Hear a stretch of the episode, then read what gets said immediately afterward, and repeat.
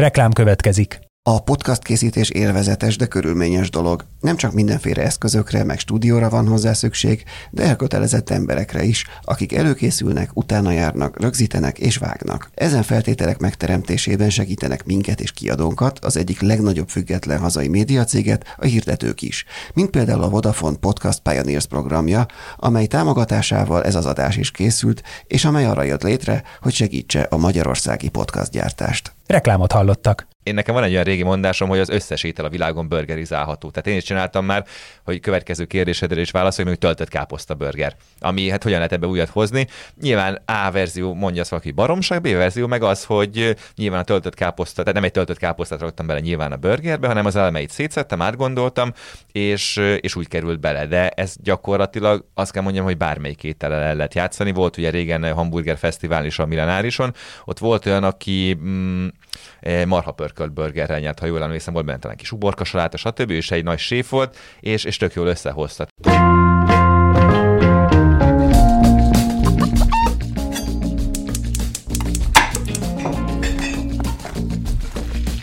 Ez a Filéző, a 24.hu podcastja a magyar gasztronómia úttörőiről. A fine diningtól a háztáig, minden a hazai gasztróról. Üdvözlöm a hallgatókat, ez itt a 24.hu filéző podcastja. Én Inkei Bence vagyok, és Jankovics Márton a műsorvezető társam. Sziasztok!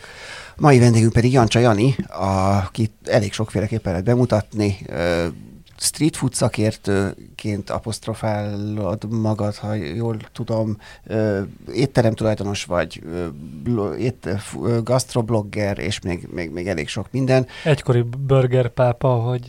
Igen, Igen illetve, illetve a Hoppá Bistrónak a társ tulajdonosa, ha jól tudom. Igen, így van, ez mindig az, és sziasztok, szeretnék üdvözölni mindenkit. Azért is emeltem ki a, a Hoppá Bistrót a, a ebből a terjedelmes életműből, mert az, a, ott van a, a, az a konkrétum, vagy az, a, az az aktualitás, ahonnan elindulunk. Ez pedig az, hogy hozzáférhetővé tettetek 14 receptet a, az étterem konyhájáról, ami elég ritka gesztus így Magyarországon, nem is nagyon tudom, hogy volt-e ilyen, vagy, vagy van-e ilyen. Ez mesélj erről valamit, hogy ez, hogy ez, ez hogy jött, ez, ez, miért döntöttetek így, és hogy mi, mi ö, motivált benneteket ebben?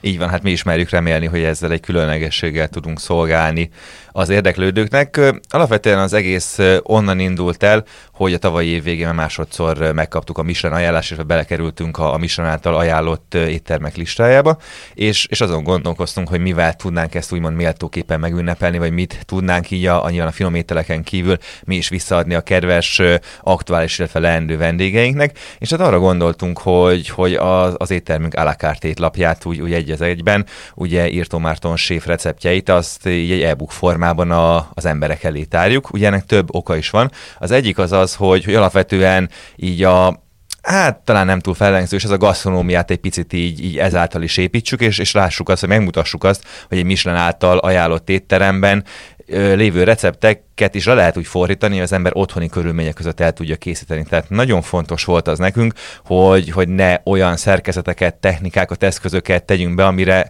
gyakorlatilag egy, egy gyakorlott szakács vagy házi asszony is csak széttárna vált, hogy na ehhez biztos, hogy étterembe kell menni, és nem is igazi az egész és kamu, hanem igyekeztünk úgy megfogalmazni a recepteket, hogy bár nyilván van benne egy-két olyan, hogy 24-48 óráig kell, vagy ajánlott, vagy érdemes valamit készíteni, de mindettől függetlenül azt gondolom, hogy az összes recept az elejétől a végéig az az elkészíthető otthon. És egyrészt ugye ez volt a célja, másrészt pedig az, hogy az emberek elé tárjuk azt, hogy alapvetően nyilván otthon is meg tudják ezeket a recepteket főzni, de hogyha nehogy Isten ellátogatnak hozzánk és megkóstolják, akkor már is lesz egy viszonyítási alapjuk, hogy most mondok valamit, miért kellett erre az ételre 20 percet várni, mert nyilvánvalóan minden frissen készül, és minden olyan minőségben és tálalásban kerül a vendégek szeme, illetve szája elé, ami hát úgymond megéri azt a, azt a kis várakozási időt.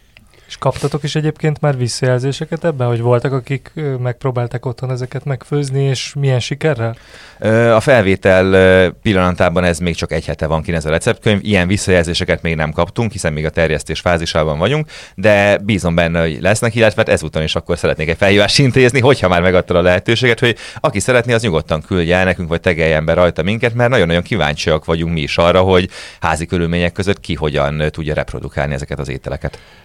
Ilyenkor egyébként nincs az, hogy, hogy ezek a receptek valamilyen formában titkosak? Tehát az ember azt gondolná, hogy esetleg, hogy az ember, hogy azért egy, egy főleg ilyen szinten egy étterem azért, azért megtartja magának ezeket a, a oké, okay, hogy az étlapban le, a, le van írva, hogy pontosan mi van, de hogy azért ezen belül is konkrétan ezt, ezt hogyan, milyen alapanyagokkal, hogyan hozzák létre, azt, azt már megtartjátok magatoknak. Ezek szerint ez, ez nem, nem így működik. Pont ez az egésznek a lényege, tehát mag, azt nem is tudom, azt említettük de ugye úgy lehet hozzájutni ehhez a recept füzethez, vagy recept kiskönyvhöz, hogy feliratkoznak az emberek ugye a levelező listánkra. És nyilván tehát erre szeretünk volna valami hát tényleg ajándékot adni így örömünkben ezáltal is, illetve a Michelin miatt is, és azt gondoltuk, hogy akkor már csináljuk rendesen. Tehát meg lehetett volna ezt nyilvánvalóan úgy is csinálni, hogy egy csomó mindent így fedésben, vagy homályban, vagy árnyékban hagyjuk, nem árulunk el, kétértelműen írjuk le, de ez nyilván ezzel kezdődött a megbeszélésünk az elején a séffel, hogy ő oké-e azzal, hogy ne hogy Isten, hogy a holnap után egy kevésbé kreatív étterem étlapján mondjuk föltűnik az a túrógombóc recept, amit ő hát évek, ha nem évtizedek óta szépen itt tökéletesítget, de tényleg szerintem már 25 verziója van, neki nagyon-nagyon imádja ezt az ételt, és mondta, hogy, hogy igazából ezzel egyrészt semmi problémája nincsen neki sem, másrészt pedig azzal, hogyha mondjuk egy helyen valahol emiatt jobb minőségben fognak, mondjuk mondok, viszem tovább a példát, túrógombócot készíteni, azzal igazából neki nem lesz rosszabb, nekünk nem lesz rosszabb, és, és a világ egy picivel ment előrébb a jobb irányba gasztronómiai értelemben. De egyébként általánosságban most te is régóta most már a gasztronómiájában mozogsz, létezik ilyen típusú, hát most hívjuk féltékenységnek, most nem szakmai féltékenységnek, hogy így valaki így őrzi, mint valami mint a Coca-Cola receptet. Igen, mint a Coca-Cola, legendás Coca-Cola receptet. Tehát mint egy, mint egy iparági titkot, azt a tudást, meg tapasztalatot, amit ő így felhalmozott és belesülített a saját tájaiba vagy recepteibe. Rengetegen vannak ilyenek. Én azt gondolom, hogy két fajta szakács vagy ember létezik, nyilván van több fajta is, de hogy az egyik az az, aki még mindig ott van így 2022-3-ban is, hogy átvezve a saját területen, mondjuk hamburger, egy titkos hamburger szósz, van benne 15 összetevő, nem árulom el, mert, mert ez, ez így, ez mindennek az alfája és omegája, és van a másik, és többek között ugye mi is, meg én is ezt a hozzáállást képviselem, hogy, hogy a recept az egy recept. Tehát aki kitalálja, az bármikor tud rajta továbbfejleszteni, és attól, hogy megosztjuk, attól még egy teljes know-how az, az nem fog így kikerülni. Tehát nálunk is, ami egésznek a lényege, hogy, hogy vannak a receptek nagyon-nagyon fontosak, de van mögötte egy séf, és van mögötte egy csapat. És innentől kezdve azt gondolom, hogy most egyes recepteket kiadunk, az tök jó, de egy csapat, tehát azt lehet másolni. Egy csapatod, annak a munkáját, a működését, a mögöttes tartalmi, gondolati dolgokat, azt nem lehet lemásolni, és ez a legfontosabb, én azt gondolom. Egyébként te pontosan mit csinálsz ilyenkor egy étteremben, hogyha van egy, van egy ö, séf, és te meg, te meg társadalmas vagy, hogy akkor neked m, hogyan oszlik meg, hiszen nem ez az egyetlen ö, a cégcsoport, vagy projektcég? Így van, cég, igen, igen, igen, igen, igen. Tehát azon, hogy te hogyan tudsz ezek, ezek mind helyen, vagy hely, na, tehát hogyan tudsz jelen lenni, hiszen azt még nem árultuk el, ugye, hogy van hét darab bamba marha burgerező, igen. ami szintén hozzá tartozik, illetve a Donna Mama Napoletana pizza Napoletana, így pizza van, így van, igen, így van. Igen, ez, ezt hogyan tudod, vagy te ebben személyes szerint hogyan, hogyan veszel részt? Igen, tehát ugye a, a bambákban, illetve a donnákban ott ugye a társadalmi pozíció mellett ugye én vagyok a kulináris vezető is, tehát az ételek kitalálása, továbbfejlesztése, minőségbiztosítása az egyik feladatom, a másik pedig ugye marketing vezetőként is funkcionálok jelen pillanatban, ez mind a háromra igaz, és ugye a hoppá annyiban különlegesebb, hogy azt a konyhát, a, ami ott van, ugye azt Marci séfünk viszi teljes mértékben, tehát én itt inkább csak a marketing feladatokba, illetve hát a legkényelmesebb részébe a, a konyhai vagy kulináris dolgoknak, a kóstolásba, illetve véleményezés étkezésben veszek részt, úgyhogy itt ennyiben válik meg a, a kvázi street food és a Hát nem azt mondom, hogy fine dining, de ez a fine bistro jellegű vonal. Nincs ilyen stratégiai, vagy víziót, vagy ilyesmit de a, a hoppában azért részt veszel legalább, hogy azért úgy nagyjából úgy megbeszéltek, hogy akkor ilyen jellegű fogásokat szeretnénk, vagy hasonló, vagy ez teljesen rá szabad kezet kap. Alapvetően Marcinak teljesen szabad keze van a, a konyhában. Ugye nyilván, amit már az elején meghatároztunk, hogy amit ő is pontosan egy gondol, és ezért vagyunk tök jó csapat, és ezért tudunk tök jól együtt dolgozni. Nyilván szezonalitás fontos, a lokálisan beszerzett alapanyagok fontosak, ö, nyilván egy árértékarány is fontos, hogy ne 30 ezer forintba kerüljen egy fogás, tehát kvázi nagyon szélesebb embertömeg számára is elérhető legyen, ha úgy van, és, és ezeknek az összessége, ez mind olyan, amiben, amiben ugye egyetértünk mind a tulajdonosi vezetői kör, mind pedig, mind pedig például a konyha, illetve a séf is, és innentől kezdve igazából nincs is szükség arra, hogy nagyon beleszóljunk a dologba, mert hogy ez most kis túlzással, vagy túlzás nélkül mondhatom, hogy tökéletes ételek jönnek ki a konyhából minden egyes alkalommal, legyen szó egy séfajánlatról, egy heti menüről, vagy éppen az elakart étlapról. Itt az előbb ugye felsoroltál kulináris vezetői pozíciótól marketingig egy csomó mindent, uh-huh. meg mhm. egy csomó helyet is említettünk, és hogy a Bence korábbi kérdését egy picit ilyen még hétköznapi nyelven újra fogalmazzam, hogy meg lehet, vagy hogy lehet egy fenékkel ennyi lovat megülni?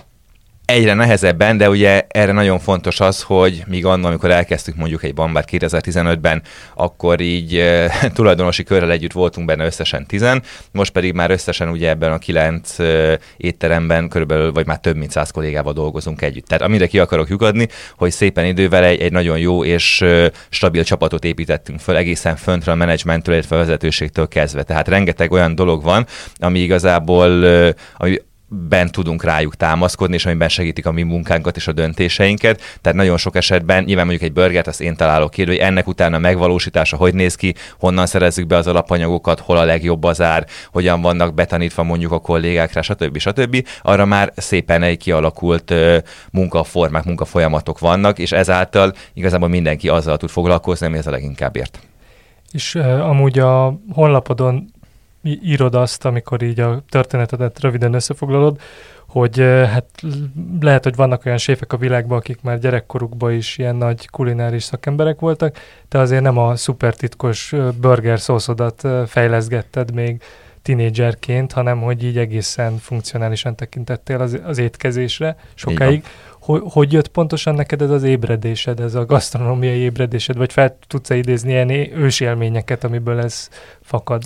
Hát alapvetően szépen lassan, tehát nekem az egész mostani munkásságom az, az, az írásból fakad, tehát a blogolásból, ezt én 2005-ben kezdtem el, és akkor kezdtem így rákapni, hogy jöttek be itthonra, és az ilyen úgymond háziasszony gasztroblogok, egy jó Jamie Olivert nem hagyhatok említés nélkül, és a többi, és a többi. És akkor én is elkezdtem ezeket nézni, szépen lassan, ahogy lett már mondjuk pénzem arra, hogy egyszer-egyszer elmenjek étterembe, vagy, vagy ne, ne adj Isten, ne kelljek otthon főzőcskézni egy-két szakácskönyvből, ezeket megtettem, ezeket az élményeket, tapasztalatokat leírtam, és így szépen jött az egyik a másik után, amit én kiugró pontnak vennék, az én 2011-ben András úton ettem egy tök jó burger, burgert, és, és akkor jött az ötlet, hogy miért, mi lenne, hogyha egy ilyen tematikus formában kezdenék el írni a burgerekről, akkor ilyen 20-30 burgerező volt az egész városban, ugye a gyors éttermeket nem számítva, és, és gondoltam, hogy nézzük meg, hogy mi lesz. Tehát akkor ez teljes mértékben csak egy ilyen hobbiként funkcionált, megyek, ír, megeszem, megírom, aztán majd lesz valami, és pont hát nem mondom, hogy véletlenül, de, de pont ekkor alakult úgy, hogy nagyon sokan úgy gondolták, hogy elkezdenek burgerezőket nyitni.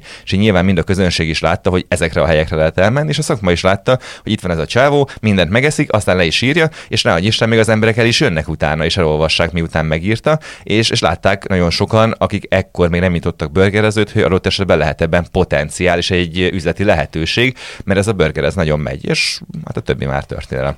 Hát nem egész, azért nem, nem tűnik ez olyan egyértelműnek az út, ami vezet az, hogy te szerettél írni róla, meg enni róla, ez mondjuk róla ránk is elmondható, mégsem jut eszünkbe burgerezőt nyitni, te viszont megtetted ezt a nagy lépést. Igen, kimaradt a kettő között egy ilyen három-négy év, tehát nyilván nagyon sokáig csak ettem, és egy ponton valahogy begattant, hogy hát igazából a konyhában is ne, otthonosan mozgok, akkor miért ne csináljak burgereket, de ez az elején tök nem volt egyértelmű, tehát szerintem egy, egy másfél év kellett ahhoz, hogy az első saját burgeremet, amit tényleg így tudatosan megcsináltam, tehát elmentem a sztárhenteshez, megvettem a hús, megvettem a józsomlét, stb. Nyilván az elsőt az újra is rontottam, ahogy volt, de, de aztán már sikerült, és akkor is szépen lassan rájöttem, hogy hoppá, hát itt nem csak igazából enni lehet, hanem csinálni, és akkor felvettem kis ilyen garázs körülmények között videóra, azt ki is tettem, stb. És akkor, akkor elkezdtem effektíve a tartalomgyártás oldalával is foglalkozni, és, és elkezdtem úgymond a, a, szakirodalmakat is így külföldről, inkább ugye itthon nagyon nem volt, nézegetni, akkor hogyan is néz ki mondjuk ez a burger dolog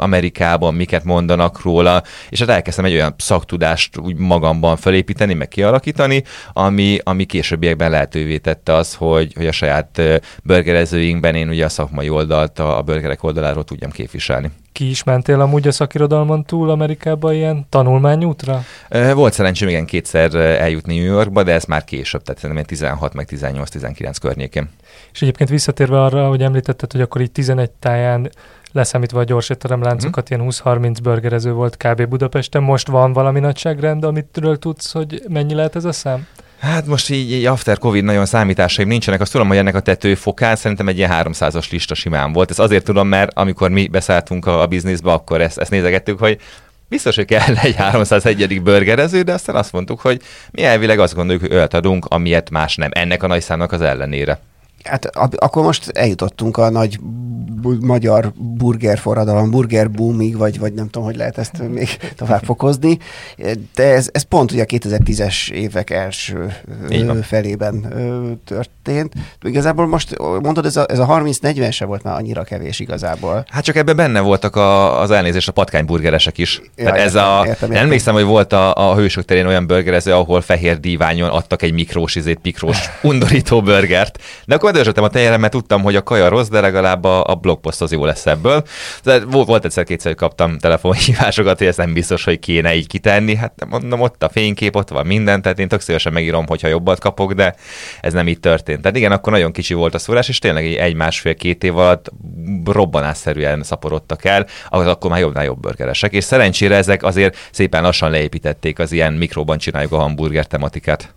És akkor azt is mondhatjuk, hogy ez, ez elérte a tetőfokát már egy-két néhány évvel ezelőtt? Már jó pár éve, én azt gondolom, hogy a 2017-8 környékén. Tehát ott... nem még a Covid előtt, tehát nem, Igen, nem a Covid felesz, így van, így van, így van. Nagyon, onnan lehetett látni, hogy nem történt meg az, mint előtt, hogy hetente nyisson egy burgerező, és, és nyilvánvalóan az is látszott, hogy aki nyit, annak már úgy, úgy kicsit hiány van a, finesznek vagy az újdonságoknak. És nyilván azért is nehéz ez, mert, mert például Budapesten a beszállítók közül van jó pár, vagy nem olyan jó pár, de van pár jó hentes, van pár jó pég, nyilván ilyen sajt, stb. Az, az, az adja magát, és, és onnan lehet ezt észrevenni, hogy mondjuk megnézel egy burgert, mondok valamit Újpesten, meg Kőbányán, és, és nagyjából jó minőségű burgert, és így ugyanazt látod egy kicsit magad előtt. Ugyanaz a zsömle, ugyanaz a hús, ugyanaz a sajt, és, és nyilván aki ettől eltérőt akar, annak azért egy, egy fokkal nagyobb energiát érdemes beletennie amikor burgerezőket számoljátok, ebbe benne vannak az ilyen olyan éttermek is, amik nem feltétlenül burgerezők, viszont az étlapjukon is fontos szerepet kap, mert azért nagyon sok étterem van, ahol, ahol van ez, ezek a fajta úgy mondjuk úgy, úgy hullámos burgereket lehet kapni, még ha ezek az éttermek nem is burgerezőként apostrofálják magukat. Így van, így van. Hát nagyon őszinte akarok lenni, azért ezt a listát már évek óta elengedtem. Tehát ugye főleg azóta, mióta elindult a, a, a saját vonal, ott már a blogolásra is utána egy picivel kevesebb hangsúlyt tudtam tenni, hiszen nagyon sokszor az összeférhetetlenség azért, azért fölmerült. Én ezt nem gondolom, hogy jogos lenne, de másik oldalról nyilvánvalóan onnantól csak jót lehet írni valakiről, mert már is egy rossz szót leírsz, akkor biztos jön az, hogy haha, mert ugye a saját helyedet akarod védeni. Nyilván látom, hogy miért mondja ezt valaki, tehát onnantól kezdve én, mint blogger, sajnos nem tudtam olyan hatásfokkal üzemelni, mint szerettem volna, innentől kezdve pedig irrelevánsá vált az is, hogy most akkor 250 vagy 300 burgerező van, inkább a, a saját, saját portékánkra igyekszem koncentrálni. És egyébként ennek az egésznek a marketing oldalát, azt hogy értékeled? Mert ugye beszéltél a beszállítókról, hogy hentesek, meg pékek, meg szóval nyilván van egy ilyen alapanyag minőség, egy szaktudás, vagy egy, az eljárások, az elkészítés minőség foka, és van a marketing. Ezt te így mondjuk, ha nem is pontos százalékokban, de ezeknek a fontosságát hogy, hogy lövöd be egy burgerező sikerében?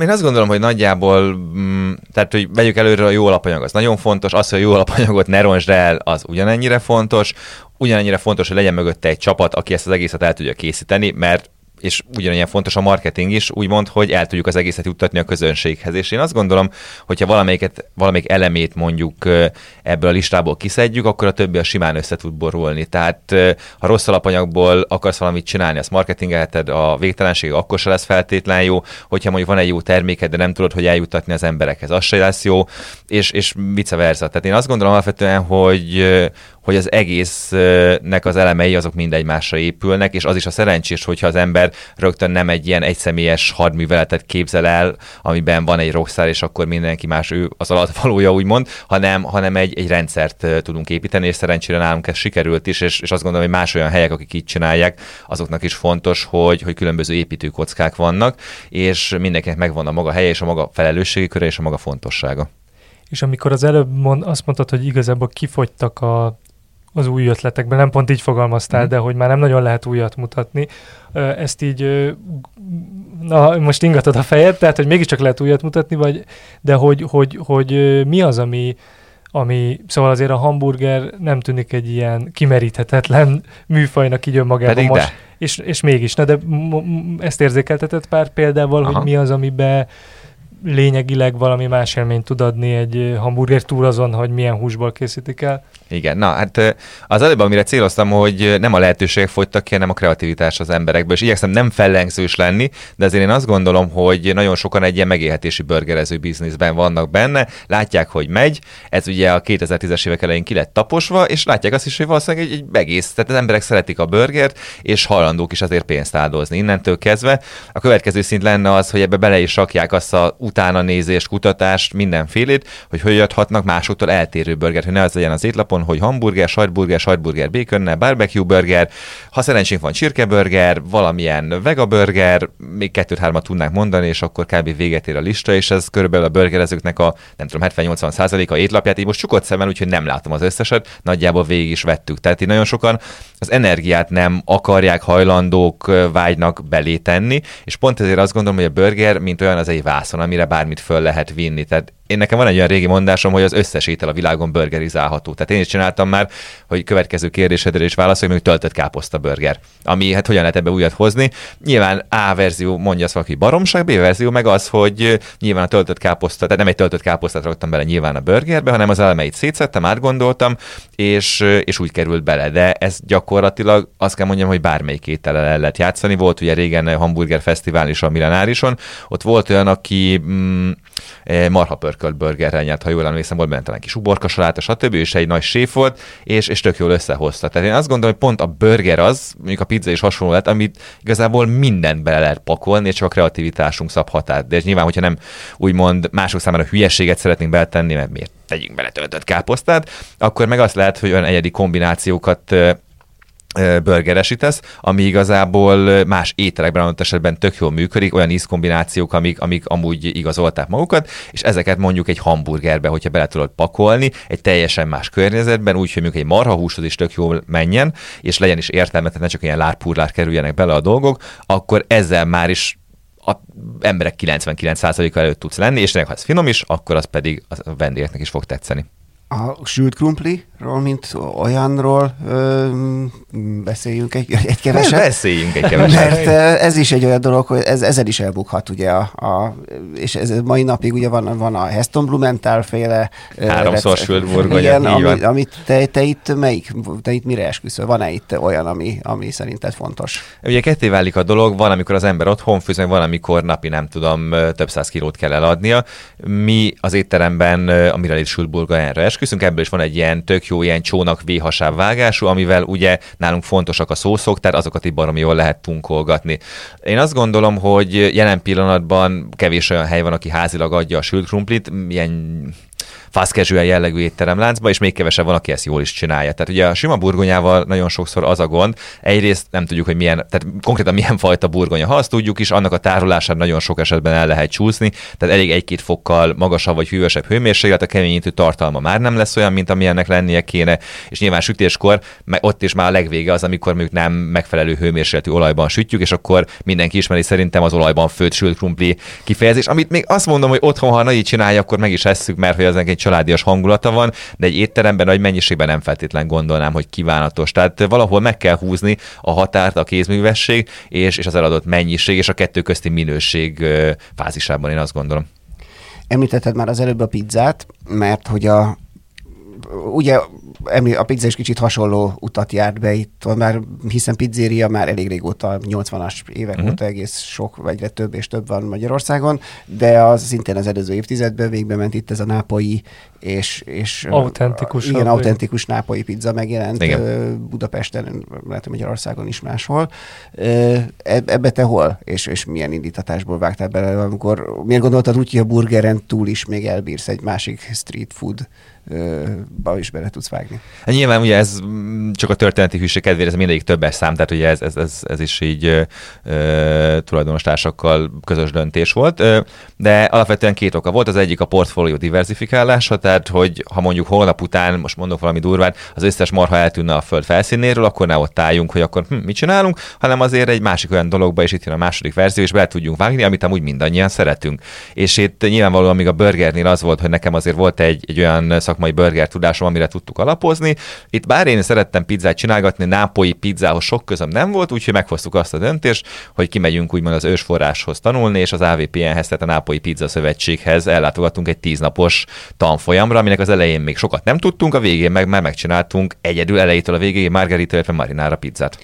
És miért pont a nápai mellett döntöttetek, hogy az az egyetlen, az az, az, az igazán autentikus, vagy, vagy azért el, vagy te is azt gondolod, hogy van, létezik többfajta iskola is, de valamiért emellett dönt. Nyilvánvalóan létezik többfajta, ez az egyik legősibb, az biztos, másik pedig az, hogy látszott akkor már, hogy az egész világ szinten ennek van egy komolyabb térnyerése. Tehát ugye, mit tudom én, van a Chicago stílusú, van a New York stílusú, ami, ami neoneapolitán például, vannak Olaszországban is ugye a római stílusúban is rögtön van kettő, egyik a nagyon vékony, a másik ugye az, amit a boncsék is csinálnak, hogy ollóval vágjuk, és utána tesszük rá a feltétet, ilyen alapalakban, tehát nyilvánvalóan mindegyikre megvannak a példák, hogy nagyon-nagyon jól is lehet csinálni, de mi azt gondoltuk, hogy ha már csináljuk, akkor csináljuk úgymond rendesen, és, és amúgy meg a másik oldalon nem ezért kezdtünk bele, de az egyik legbonyolultabb formát, nagyon hosszú keresztés, és nagyon rövid idő van a megsütése. Tehát ha sütésnél kettőt rosszul pislogsz, akkor meg is égett a pizza, és kezdheted előre. És túl azon, hogy eljutottatok a végén egy margarita és marinara elkészítésig, milyen élmény volt ez a tíznapos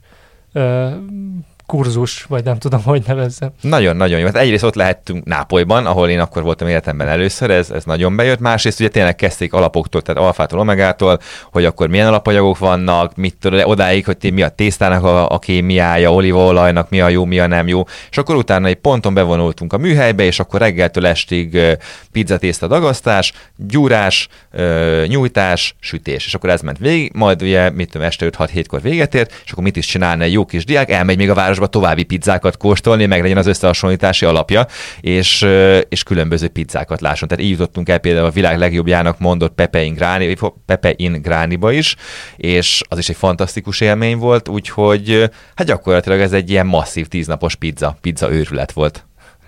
És egyébként visszatérve még egy pillanatra a, az újításra, most akár a burgerek, akár a pizzák tekintetében szerintem ez ugyanúgy felvetődhet ez a kérdés, hogy ugye megvan az emberekbe sokszor az is, hogy, hogy azt kérik, amit már ismernek és szeretnek, de akkor azt mondod, hogy ezért ez egy számottevő hajtóerő, vagy üzletileg is értelmezhető az, hogy nagyon sokan az újdonságot keresik mégiscsak, miközben persze a klasszikusokat is gondolom étlapon kell tartani. Így van. Hát ugye most visszatérünk csak egy mondatra a burgerre, tehát ott is szerintem folyamatosan a sajtburger a leg, legeladottabb termékünk, mert hogy ugye van az, akinek mondhatod, hogy figyelj, meghívlak erre és kóstol, meg nem, ő a sajtburgert akarja, azt ismeri, abban bízik, és nem akar esélyt sem adni annak, hogy negatív élmény érje, hogy ne adj Istenem az ízlésnek megfelelő valami.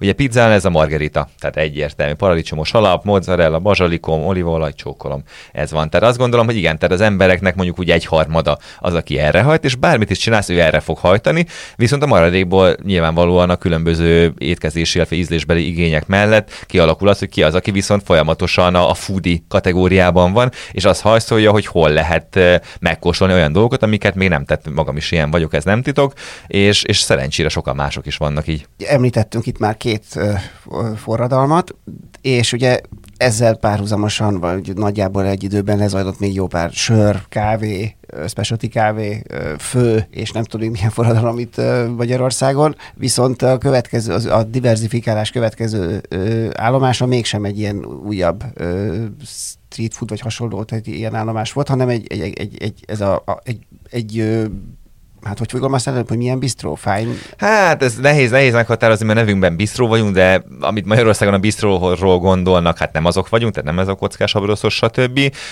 Fine diningnak minőségben mindenképp azt mondanám, de ugye például nem degustációs menüvel dolgozunk. Tehát ennek már a meghatározásában is kicsit így nehézségek tudnak támadni. Amúgy ezt tudni kell, hogy ezt így a hoppát meg a donnát azt egymás mellett kezdtük el, tehát ha szivassuk, szivatjuk magunkat, akkor szivassuk rendesen, és két brandet indítottunk egy ilyen három hónap eltéréssel, és rá három hónapra megjött a Covid, szóval ez nem a legjobb időzítés volt.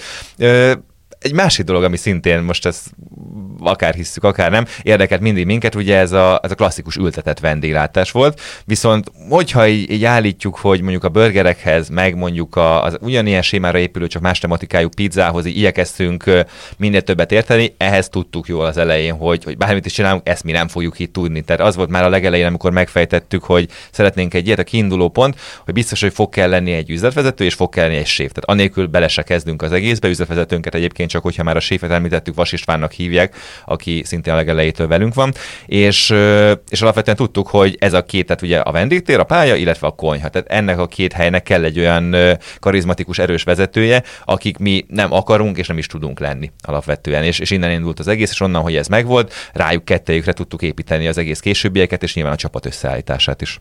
És gondolom, a, még a burgerezőknél és a pizzázóknál a kiszállítás az egy eléggé kézzelfogható, vagy hogy mondjam, logikus lépés, azért egy ilyen bistrónál ez már kevésbé egyértelmű, hogy ezt hogy lehet jól minőségileg megoldani, vagy, vagy igen? Sehogy. Nem. Sehogy. Tehát ugye ez, ez megint ez a korábban már ö, emlegetett vírushelyzet hozta. Mi sem a burger, sem a pizzát nem kiszállításra terveztük. Én azt gondolom, hogy ez a két étel az, amelyik a legkevésbé alkalmas is, mégis ez terjedt a legjobban a világon. Ö, nyilván mi is, mint oly sok mások, amikor azt láttuk, hogy van, nem tudom én, 70 kollégánk, és A, bezárunk és lehúzzuk a rollt, vagy B, akkor megoldjuk, hogy menjen a kiszállítás. Nyilvánvalóan ezt, ezt a másodikat választottuk. Próbálkoztunk a, a bistróban is kiszállított kajával, de mivel maga az egész tálalás, az élmény és, és minden egyéb, amit kapsz mellé, szerves része maga magának, magának ennek a, az egész élménynek, amit nyújtunk, de ez nagyon hamar kiderült, hogy ez nem fog működni, és el is engedtük, mert, mert egyszerűen sokkal inkább romboltabb ennek a, az éppen még kialakulóban lévő hírnevét, mint, mint az, hogy valós értéket tudjunk egy papírdobozon keresztül szolgáltatni. És akkor végül mi történt? Mennyi időt uh, voltatok töltött bezárva a bistró? Hát erre már szerencsére nem emlékszem, ugye ahogy itt a kormányzati regulációk voltak, akkor ugye kénytelenek voltunk mi is bezárni. Ugye nagyon fontos volt nekünk, hogy, hogy magát a csapatot megtartsuk, tehát abban biztosak voltunk, és ugye mai napig is azért, azért bőven vannak még, akik ö, előtte nálunk dolgoztak, és most is kollégáink között tudhatjuk őket, tehát az biztos volt, hogy ez a know-how, ami a miénk, ez a csapat, és ezt meg szeretnénk tartani, és hát háromszor nyitottunk meg, és, és szerencsére harmadiknál sikerült utána úgy, úgy sakkozni a dolgokkal, és, és megmaradni, hogy, hogy ez mostanra már ne legyen kérdés és hogy tudunk működni. És ha már így a csapatot említed, akkor gyakran felmerül ebben a podcastben is korábbi adásokban visszatérő elem tényleg, hogy mennyire nehéz megfelelő munkaerőt találni Magyarországon vendéglátásban. Nektek ezzel mekkora kihívásaitok vannak? Hát ez a különböző brendekre külön tudnám bontani, de talán mind a háromnak fontos része az, hogy egy ilyen employer brandinget szeretnénk csinálni, pontosabban csinálunk, ami, ami által azt gondolom, hogy vonzóvá tudjuk tenni a, a, a, a leendő kollégáknak, meg az aktuálisoknak is nyilván, akik már itt dolgoznak, az, az hogy együtt működjünk. De hoppánál ez tök érdekes, hogy ugye tavalyi év elejére nagyjából minden rendben, hát meg volt ugye ott a, a korábbi lokációnk az Andrási úton volt, és akár karba is tettük volna kezünket, hogy na oké, számok alakulnak, vendégek alakulnak, tök jó, de láttuk azt, hogy például az a konyhánk, ami ott volt, az technikailag tök jól föl volt szerelve, de ugye egy régi, nem tudom, 120 éves házban volt, stb. Tehát megvoltak a kihívásai, és tudtuk azt, hogy ha mondjuk új kollégákat is szeretnénk oda szerezni, akkor, akkor az úgy nem lesz elég, és, és nekiálltunk pont emiatt többek között egy új helyszínt is keresni, amit ugye október 6-a utcában találtunk meg, és, és ott például a konyha az kétszer akkora, sokkal tágasabb, levegősebb, és tudtuk azt, hogy a további fejlődésünkhöz, ami ugye vendégek kiszolgálása, illetve az új kollégák verbuválása, ez mindenképp mindenképpen szükséges lesz. Tehát érdekes, hogy, hogy itt például egy lokációcsere kellett ahhoz, hogy ebben tovább tudjunk lendülni, úgymond olyan szinten sikerült tovább lendülni, hogy olvastam egy olyasmit, hogy, hogy 2018 és 22 között a, a cégcsoportnak többször, meg többszöröződött a, a bevétele. Mindeközben ugye volt Covid, volt, vagy van infláció, energiaválság, én nem tudom micsoda. Ez mégis hogyan, hogyan sikerült? Nyilván hozzátartozik, hogy ugye közben új éttermeket is nyitottunk, tehát az, az mindenképpen benne van. De nem kellett bezárni egyet sem. Így van, így van, így van, így van. Tehát szépen mentünk előre. Meg, meg azt gondolom, hogy most például ebben a mostani úgymond válságos környezetben azért mi is uh, igyekszünk odafigyelni arra például, hogy, hogy megnézzük, hogy most de egy kicsit ilyen mikroszinten menedzselni a dolgokat, mondjuk megnézzük, hogy egy konyhában melyek azok a nagy fogyasztók, amik vannak, hogy lehet nagy Isten őket mérni, hogy lehet lecserélni, hogy éppen valami nagyon rosszul fogyaszt, hogy lehet például uh, különböző mennyiségi beszerzésekkel, a beszállítóinkkal úgymond olyan megegyezést kötni, ami, ami igazából előnyösebb tud lenni számunkra. És egy csomó olyan apró változás van, amit ugye akár hagyhattunk volna is annyiban, hogy ó, jó lesz ez igazából, amíg nem omlik ránk a ház, de mi inkább szeretünk ilyen szempontból a dolgok elébe menni, és, és mindig azon is gondolkozni, persze vendéglátás, meg tök jó ételek, stb., de a nap végén, mint oly sokan mások, mi is egy profitorientált vállalkozás volnánk, és nyilván ilyen szempontból is szerencsés, hogyha, hogyha tudunk folyamatosan előre menni, és, és például hamarosan akár nyitni egy új, új nyolcadik bambát is például a kokáért. És egyébként vannak olyan egyéb műfajok, már mint ilyen vendéglátói műfajok, vagy ételek, amikben még így gondolkodtok, hogy további diversifikálása a portfóliónak, vagy, vagy ezek most így egyelőre ez ennek a ö, meglévő portfóliónak a ö, ápolgatása, és esetleg így ezen belül bővítgetése, tehát újabb helyek nyitása, ami már uh, illeszkedik az eddigiekbe, az, az, elegendő. Hát mind a kettő, tehát egyrészt nyilvánvalóan tehát ezek mindenképp, hogy ami megvan brandünk, az, amiből lehet ö, további üzleteket nyitni, és nyilván ez nagyon sokszor üzlethelyiség kérdése, mert ugye ez nagyon fontos nálunk, hogy, hogy az ilyen top lokációkon igyekszünk nyitni, tehát csak azért nem nyitunk, hogy legyen valami, aztán majd lesz ember oda. A másik oldalról meg, meg pont ezért is lényeg, hogy igazából rendszereket is igyekszünk építgetni, tehát erre most csak példákat mondok, és nem valószínű ilyet fogunk nyitni, de holnap után akár egy giroszos is rá lehetne húzni, mert megvan egészen föntről, egészen addig a kollégák, aki elkészíti az ételt, egy olyan rendszer kiépítése, vagy kiépítettsége, amivel igazából az, hogy mit adunk, picit talán nem túlozva, de, de másodlagos. Nyilván az, az fontos, hogy amit ugye korábban is említettünk, minőségi alapanyag, minőségi elkészítés, és legyen is rá igény, az sem árt.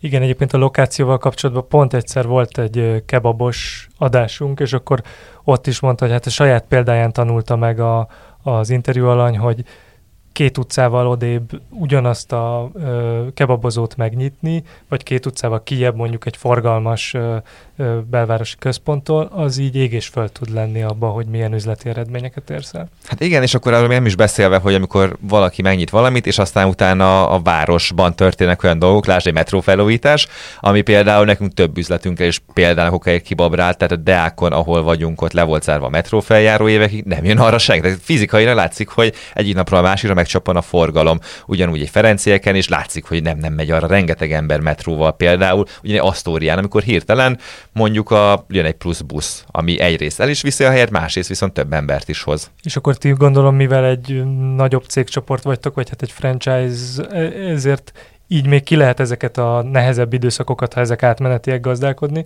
de mondjuk nyilván, ha ez egy valakinek csak egy üzlete van, akkor ez végzetes is lehet.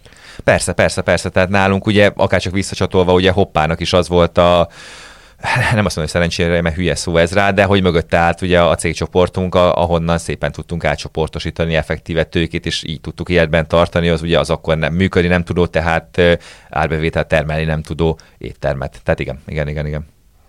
Van egyébként olyan műfaj még, vagy olyan, olyan étel, vagy olyan bármi gasztronómiai ág, ami, ami valamilyen okból közel áll hozzá, de hogy most nem azért, meg gondolom, hogy most ez egy, nem egy, mondtad is, hogy nincsen terve most, hogy itt ilyesmit nyitnátok, de ami például a burgeren és a pizzán kívül így még közel áll hozzád.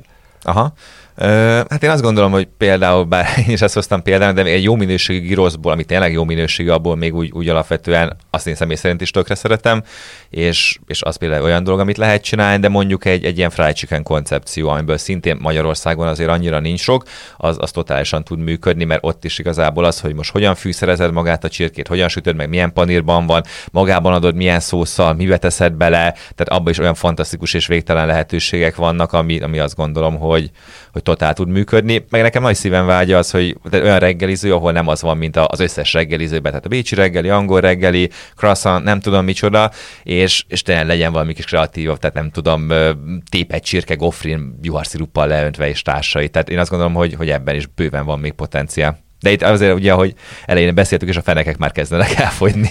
És egyébként az, hogy, mert ugye érintőlegesen szóba kerültek a gyors étteremláncok, amik szerintem a legtöbb magyar ember is a hamburgert alapvetően onnan uh-huh. ismerte meg, és hogy ez az egész burger forradalom, vagy hogy nevezzük, uh, vagy ez az egész street food uh, felfutás, boom, vagy bármi, bárhogyan hívjuk, uh, ez, ez amúgy, te hogy látod, hogy mekkora kölcsönhatásban volt mondjuk ezzel a nagyon durván bejáratott, és a világ minden részén ugyanazt adó étteremláncokkal, tehát ez valahogy így reagáltak ezek folyamatosan egymásra? Igen, vagy? már csak azért is jó kérdés ez, mert, mert a legutóbbi vendégünk az a, a kávé helyzet kapcsán említette az itt a nagy kávézóláncoknak a, a szerepét ebben, hogy meg volt a szerepük a, abban, hogy... Az hogy, edukálásban, meg a bariszták igen, kiképzésében, igen, igen. meg nem tudom.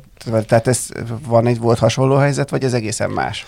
Hú, rengeteg, rengeteg dolog eszembe jutott itt hirtelen. Egyrészt az nyilvánvalóan az, hogy az elején nagyon sokáig, nagyon sokaknak magyarázni kellett, hogy attól, mert valamelyik gyors étteremben megvan a burger egy vagy két perc alatt, nálunk nem lesz meg, hanem minimum 8 perc, amíg az a hús, ami 140 grammos, az egyetlen hajlandó hogy a médium veldára megsülni. Ö, tehát nyilván ez, ez egy fontos dolog volt, hogy, hogy a gyorsaság ott teljesen más léptékben van, hiszen teljesen más előkészítettségű alapanyagokkal és eszközparkkal dolgoznak. A másik, hogy nyilván a gyors éttermek azért látszik ez manapság, nagyon sokszor ők is most már reagálnak erre a úgymond kézműves vagy kraftvonalra, ami az elmúlt tíz évben bejött, hiszen ha megnézzük a, a kínálatot, van angusz, van libamáj, brie sajt, ilyen olyan extra sajtok, különleges összetevők, feltétek, tépet libahús, nem tudom, amik, amik korábban azt gondolom, hogy elképzelhetetlenek voltak egy, egy, egy magát amúgy gyors étteremként vagy fast food láncként definiáló helynek az étlapján. És öt olyan innovációk is, mint az erős pistás hamburger. Hajaj, hajaj. Na, arról nem is beszél beszélve. És a másik harmadik oldalról pedig, hogy a, hogy a kollégák dolgát említsük, tehát azért nálunk is ugye, mm, tehát azt gondolom, hogy ezek a nagy láncok, bár én úgy mondom, hogy sosem dolgoztam ott, de az alapján, amit hallottam, nagyon-nagyon jó munkát végeznek abba, hogy tökéletesen az utolsó mm, kiskanál arrébb rakásáig le van dokumentálva minden, és mondjuk egy ilyen higiéniai tisztaság, stb. szempontból pedig, pedig tökéletesek. Tehát tényleg az van, hogy, hogy nem engedhetik meg maguknak, hogy ne az legyen. És azt gondolom, hogy aki mondjuk ilyen helyen dolgozott, és oda is figyelt, az, az már kaphat egy olyan alapot, amit adott esetben a XY csárda a konyhájáról eljöve tíz év munka után sem feltétlen. És akkor, de mintha belekezdtél volna abba, hogy nektek is akkor van olyan a munkaerőtökben, aki mondjuk előtte valamelyik ilyen étterem. Természetesen például egy egyik leg, legmagasabb szinten lévő vezetőnk, aki amúgy még annó úgy kezdett nálunk, hogy ilyen normális, amit tehát nem gyors éttermi konyhát nagyon nem is látott belülről, és például ő, ő, ő az egyik, egyik komoly pozícióban lévő vezetőnk. És te amúgy szoktál a mai napig enni egy-egy hamburgerre, beugraszni, ha egy Burger Kingbe vagy Mekibe vagy ilyesmi? Tök vagy... szintén szoktam, persze, persze, persze, persze. Sőt, az előbb említett erős pistás verzióról még csináltam is egy ilyen kis TikTok videót is. Úgyhogy persze, egyrészt érdekel is, hogy mik mennek ott, másrészt meg hazudnék, ha azt mondanám, hogy, hogy időnként nem mesik jól egy-egy ilyet bedobni. Nyilván napi heti szinten egy kicsit túlzás lenne, de, de amúgy azt gondolom, hogy ezeknek is, mint minden másnak, meg lehet a helye, meg az ide és te amikor nem videót, vagy tehát nem egy helyen munkából, vagy egy videó alkalmával csinálsz burgert, te csinálsz még magadnak otthon, tehát megmaradt ez a kezdeti hobbi, szenvedély, vagy pedig azért ez most már átalakult munkába, és a szabadidődben már inkább más csinálsz. Igen, tehát van az a régi mondás, hogyha az embernek a hobbiából lesz a munkája, az tök jó, csak akkor kell egy új hobbit keresnie magának. Ö, alapvetően ö, általában, hogyha burgert csinálok, annak oka van. Pontosabban a másik oldalon nem tudok már új burgert csinálni, vagy hát nyilván százból egyszer szoktam, amikor így vacsorára barátokkal lenne az amaz, de, de javarész az van, hogyha már csinálok egy olyan burgert, ami új, akkor azt szeretem le is dokumentálni, és ennek ugye több módja van, vagy az étterem étlapjára, hogy hogyha fölkerül, akkor annak a módján, vagy egy mondjuk egy videót szeretek belőle csinálni. Tehát szeretem, nyilván is ez a tartalomgyártó mi voltomból fakad, hogyha ha nem csak én tudom ezt a dolgot élvezni, hanem másnak is tudok, akár virtuálisan, akár fizikailag is belőle adni majdnem minden, amit említettél, a húshoz kapcsolódik. Hogy, hogy téged érdekel, vagy hogy így, így neked fontos. El tudod képzelni, hogy esetleg nem tudtál jövőben ezt elenged, vagy hogy valamilyen módon a fenntarthatóság hangsúlyosabban megjelenjen az életedben? Nyilván a fenntarthatóság is, mint olyan, csak hogy a másik részére kössek rá, ez megint egy jó kérdés, tehát én nem vagyok róla meggyőződve, hogy mondjuk egy Hollandiából érkező úgymond húsmentes húsfogácsa az jobban fenntartható, mint egy magyar alföldről érkező magyar szarvasmarha. A másik oldalról én amúgy személy szerint nyilván ezt egy ponton realizáltam, hogy túl sok húst eszem, amikor egy héten nem tudom, öt burgert megettem, az, az ott egy kicsit már túlzásnak éreztem én is. Az a baj, hogy amik így vannak úgymond húspótló szerepbe, azok nagyon nagy része vagy egyoldalú, vagy nem is finom ráadásul. Tehát én mondjuk egy ilyen biondos történetet én például tökre bírok, és az tök jó, csak tényleg mindig az van, hogy, hogy ez még nagyon-nagyon messziről érkezik, és relatíve nagy környezetterheléssel. Viszont a másik oldalról meg, meg én azt mondom, hogy erre mondjuk egy marha burgert, azt nagyon szívesen bármikor lecserélek, de én a másik oldalon meg azt gondolom, hogy az egyensúly ez egy nagyon fontos dolog, tehát hogy ne is iktassunk ki minden teljes mértékben az életünkből, de ne is az legyen, hogy, hogy békönzsírral kell megkenni mindent ahhoz, hogy finom legyen. Hát nagyon szépen köszönjük, hogy körbejártuk itt a burger és minden egyéb témát is. Úgyhogy nektek pedig köszönjük, hogy hallgattatok minket. Tegyetek továbbra is így, a Filéző podcast adásait megtaláljátok a 24.hu-n, Spotify-on, vagy bármelyik streaming felületen, ahol szoktatok podcastokat hallgatni. Sziasztok! Sziasztok! Köszönöm szépen, sziasztok!